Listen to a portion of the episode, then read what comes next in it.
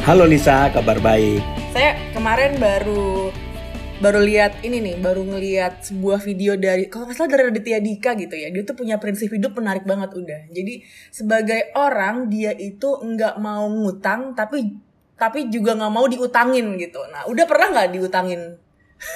ya, ini u, utang ini Lis, ini ini kita kita punya jargon. Jadi utang itu tidak mengenal level pekerjaan, tidak Hmm. mengenal uh, lo siapa, ini siapa karena utang adalah kita karena karena karena karena kita selalu Ya. Berinteraksi dengan utang gitu. Jadi ya pernah berutang pasti. Iya iya iya iya. Itu menarik banget tapi saya pikir kalau bisa sampai nggak bisa ngutang, wah itu berarti udah kaya banget kali ya gitu. Lis, Tapi- tapi, saya punya pengalaman. Lisa tahu nggak utang apa yang paling enak dan bikin senang? Duh, apaan tuh udah nggak tahu. Utang yang tidak ditagih-tagih oleh sang pemberi utang. gitu. Jangan-jangan bikin satgas nih buat nagih. Eh, Oke, teman-teman pendengar podcast apa kata Tempo, kali ini kita ngomongin utang itu memang eh, erat kaitannya dengan eh, kasus BLBI yang melibatkan Tommy Soeharto gitu ya. Ini tahun berapa udah kayak saya Iya. dengerin aja kayaknya masih masih umur berapa ya. Ya, BLBI itu adalah eh, apa instrumen yang disalurkan bantuan dana yang disalurkan oleh Bank Indonesia namanya Bantuan Likuiditas Bank Indonesia itu Ya. ketika krisis ekonomi, krisis moneter 9798 Lis. Dalam periode itulah karena itu masa-masa tersulit dalam sejarah ekonomi kita. Hmm, jadi Bank Indonesia sebagai otoritas perbankan turun tangan memberikan bantuan karena kalau tidak kolaps semua. Hmm. Gitu. Kalau kolaps konsekuensinya ekonomi bubar. Hmm. Gitu. Jadi itulah sebetulnya yang terjadi. Jadi keadaan yang sangat kritis ketika itu eh, ada situasi di mana eh, eh, ada yang dikasih eh, pinjaman duit gitu ya. Kebetulan dia adalah eh, satu orang dari keluarga yang pernah berkuasa selama 32 tahun di Indonesia Iya. dan ternyata nagihnya nggak gampang gitu. Jadi sudah Betul. sudah puluhan tahun duit yang dipinjemin ini nggak sepenuhnya balik dan kalau mau di, eh, ditelik lagi ternyata jumlahnya itu sangat luar biasa bahkan untuk sekarang ya udah di tahun Iya. 2021 gitu jumlahnya itu 110 triliun lebih Betul, Lis. Eh, jadi ini, jadi ada sebetulnya ketika kita kan su- lagi sulit nih, Republik Iya. ini sulit. Indikasi sulitnya hutang luar negerinya nambah terus. Hmm. Nah, hutang luar negeri nambah terus. Sementara ini kan kalau eh, kayak perusahaan gitu kan dia punya hutang, dia Iya. punya piutang. Utang berarti dia pinjam orang lain Ya. atau piutang dia meminjamkan ke orang lain. Nah, ini Hmm. jadi memang jadi menjadi agak agak ironik lah. Hutangnya ditambah, piutangnya tidak ditagih-tagih. Nah, gitu. Jadi dan para pengutang menurut saya dia tuh pakai itu, pakai dia mengikuti peribahasa ini, Lisa. Hutang nyawa dibayar nyawa, Hmm. hutang budi dibawa mati, hutang ke negara entar-entar aja bayarnya. Waduh, gawat. Jadi, wah itu lucu banget. Tapi gini, eh, utang BLBI ini kan memang kembali jadi ini ya, udah jadi sorotan lagi gitu kan. Karena Ya. bulan April kemarin Pak Presiden Jokowi membentuk Satgas penagih utang BLBI. Gila, sampai dibuat satgasnya loh udah. Iya. Dan ini akhirnya sudah dilantik bulan eh, Juni kemarin gitu. Jadi eh, jadi sekarang nih kayaknya lagi em, rame lagi karena satgasnya ini sudah mulai kerja gitu ya dan eh, udah nunjuk-nunjuk nih udah nih kira-kira siapa Betul. yang para penunggaknya gitu. Jadi banyak yang pengen tahu sebenarnya profil para penunggak utang yang eh, ya inilah ya yang yang bikin susah negara nih saat ini sampai sampai dibikinin satgas gitu udah. Betul.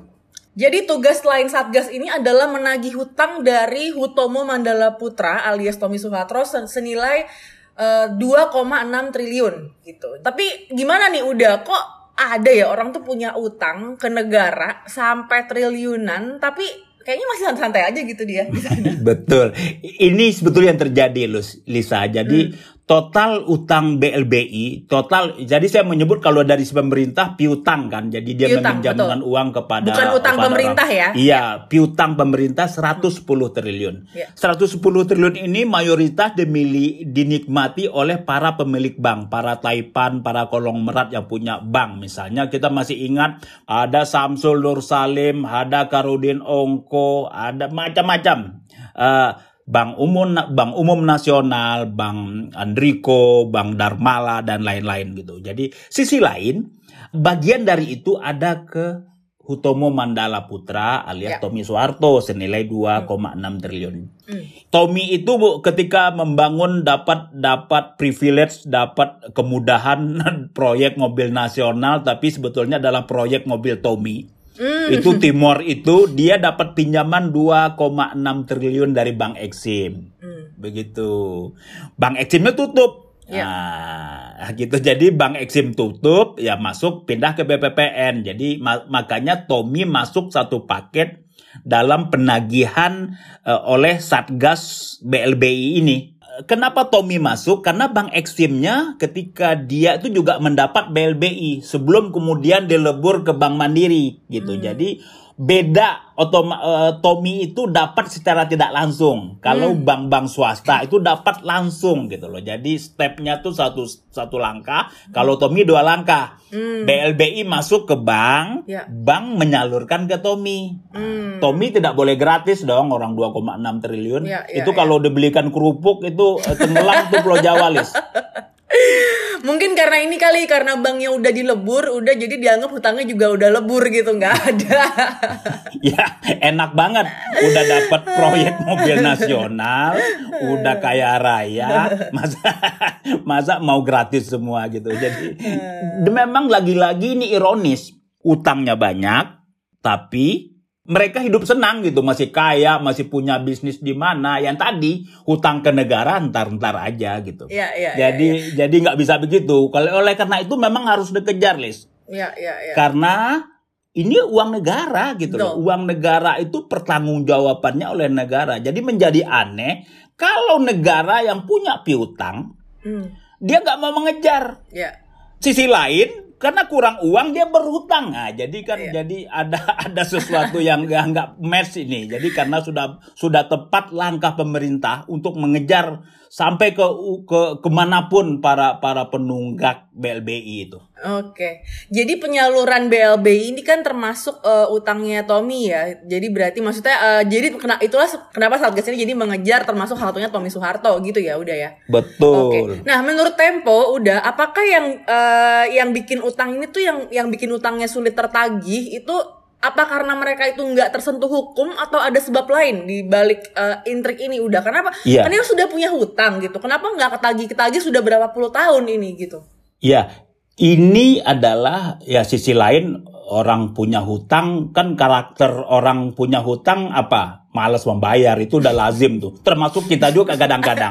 Aduh tundalah tundalah. Kalau bisa kalau bisa ditunda kenapa harus dipercepat membayarnya? Kan itu itu adalah moto para pengutang sedunia.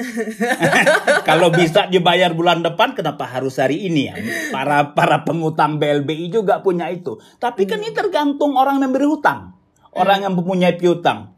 Ini menjadi problem dan sudah berlarut-larut sekali Lis Hmm. Misalnya ketika 9 uh, krisis ekonomi 9798 mengucurlah BLBI untuk pengurusannya dibentuk BPPN hmm. Badan Penyehatan Perbankan Nasional. Dia mengurus semua tuh. Hmm. Semua aset-aset bank yang tutup ditarik ke BPPN. Uh, dia diharapkan menyelesaikan ini, membuat kepastian bagaimana nih cara menagih uang yang sudah masuk boro-boro selesai sampai sekarang malah menimbulkan masalah. Malah terakhir apa ketua BPPN Saprudin Temenggung itu menjadi tersangka di KPK meskipun kemudian lolos gitu loh. Jadi hmm. jadi ini menjadi skandal yang berlarut-larut dan menghabiskan energi bangsa ini. Yeah, yeah. Transaksinya bisnis tapi menjadi skandal politik dan yeah. segala macam. Mm, okay. gitu. Jadi rasanya perlu diakhiri nih. Ini yeah. ini tinggal hutang hutang piutang kok.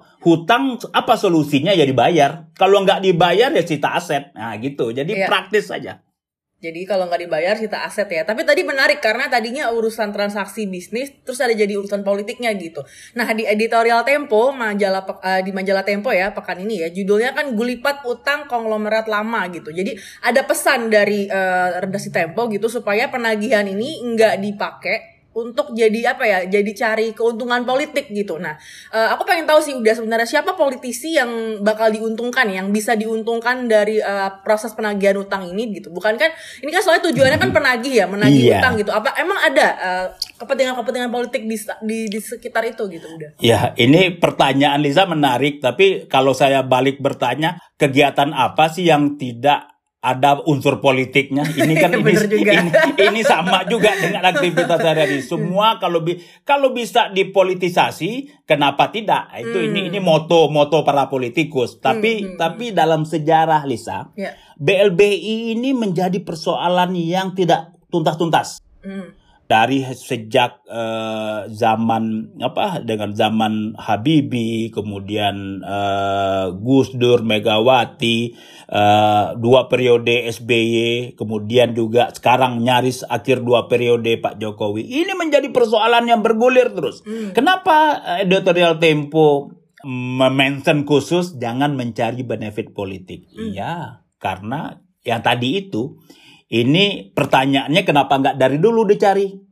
Nah, kenapa tidak dari awal-awal pemerintahan nah gitu. Jadi oh jadi memang tugas media kan selalu mau warning lah ya, yeah. mengingatkan ayo dong ini transaksi antara kreditor dan debitur antara pemberi utang dengan yang punya utang selesaikan secara ekonomi kejar apa uh, semuanya dapat jika tidak ya paksa untuk melaku, hmm. membayar hutangnya bisa cita aset. Jadi ini semacam warning list. Ya. Please jangan jadikan skandal yang sudah berpuluh-puluh tahun ya. ini untuk mencari benefit politik. Selesai aja gitu ya, udah tagih Betul. dan dapat uangnya balik gitu ya. Tapi udah ini kalau kita ngomongin uh, uang 110 triliun ini, kira-kira Tempo yakin gak sih kalau uang ini bakal balik ke kas negara? Ya harus dong Lis. Ini ini ini ini ini jangan ini gini loh. Jangan uh, kita kita kan lagi susah nih. Ya. ya tandanya seperti yang saya bilang tadi, buktinya utang negara, utang luar negeri kita nambah terus. Hmm.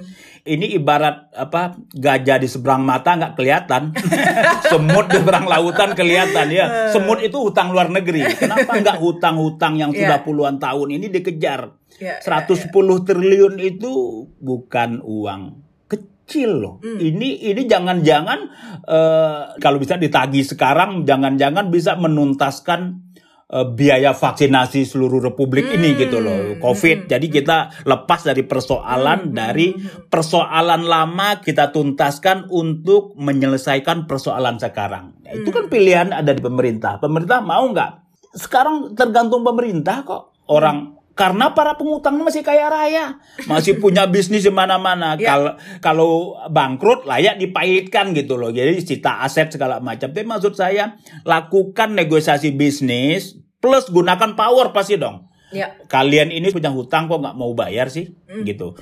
Ka kalian ini sudah kaya raya, please bayar. Republik ya. sedang memanggil. Ya gunakan berbagai strategi lah. Republik memanggil kalian melunasi hutang. Hmm. Kalau tidak, sita aset, masih Badung cari pidana ya hmm. pencucian uang dan segala macam. Jadi toolsnya ada di tangan pemerintah. Okay. Pemerintah mau nggak? Ini yang kita tunggu. Nah, begitu Lis. Oke, jadi itu dia tadi ya pembahasan kita soal uh, utang BLBI. Mungkin ada yang belum tahu utang BLBI itu apa. Bahkan ketika baca laporan Tempo ini, waduh, ini tahun berapa ya? Kayak kembali ke masa lampau gitu kita. Diingatkan kembali ke uh, utangnya Tommy Soeharto gitu. Uh, terima kasih sudah dengerin uh, podcast apa kata Tempo. Uh, terus ya informasi kamu bisa langganan di aplikasi Tempo gitu ya. Atau kalau misalnya mau collab langsung aja DM di podcast.tempo di Instagram gitu. Langsung aja itu uh, gampang banget tinggal ngeklik gitu ya. Uh, udah Setri thank you banget sudah iya, menjelaskan Lisa. soal uh, BLBI dan juga uh, utang Tommy Soeharto kita jumpa lagi minggu depan ya. Thank you. Thank you dadah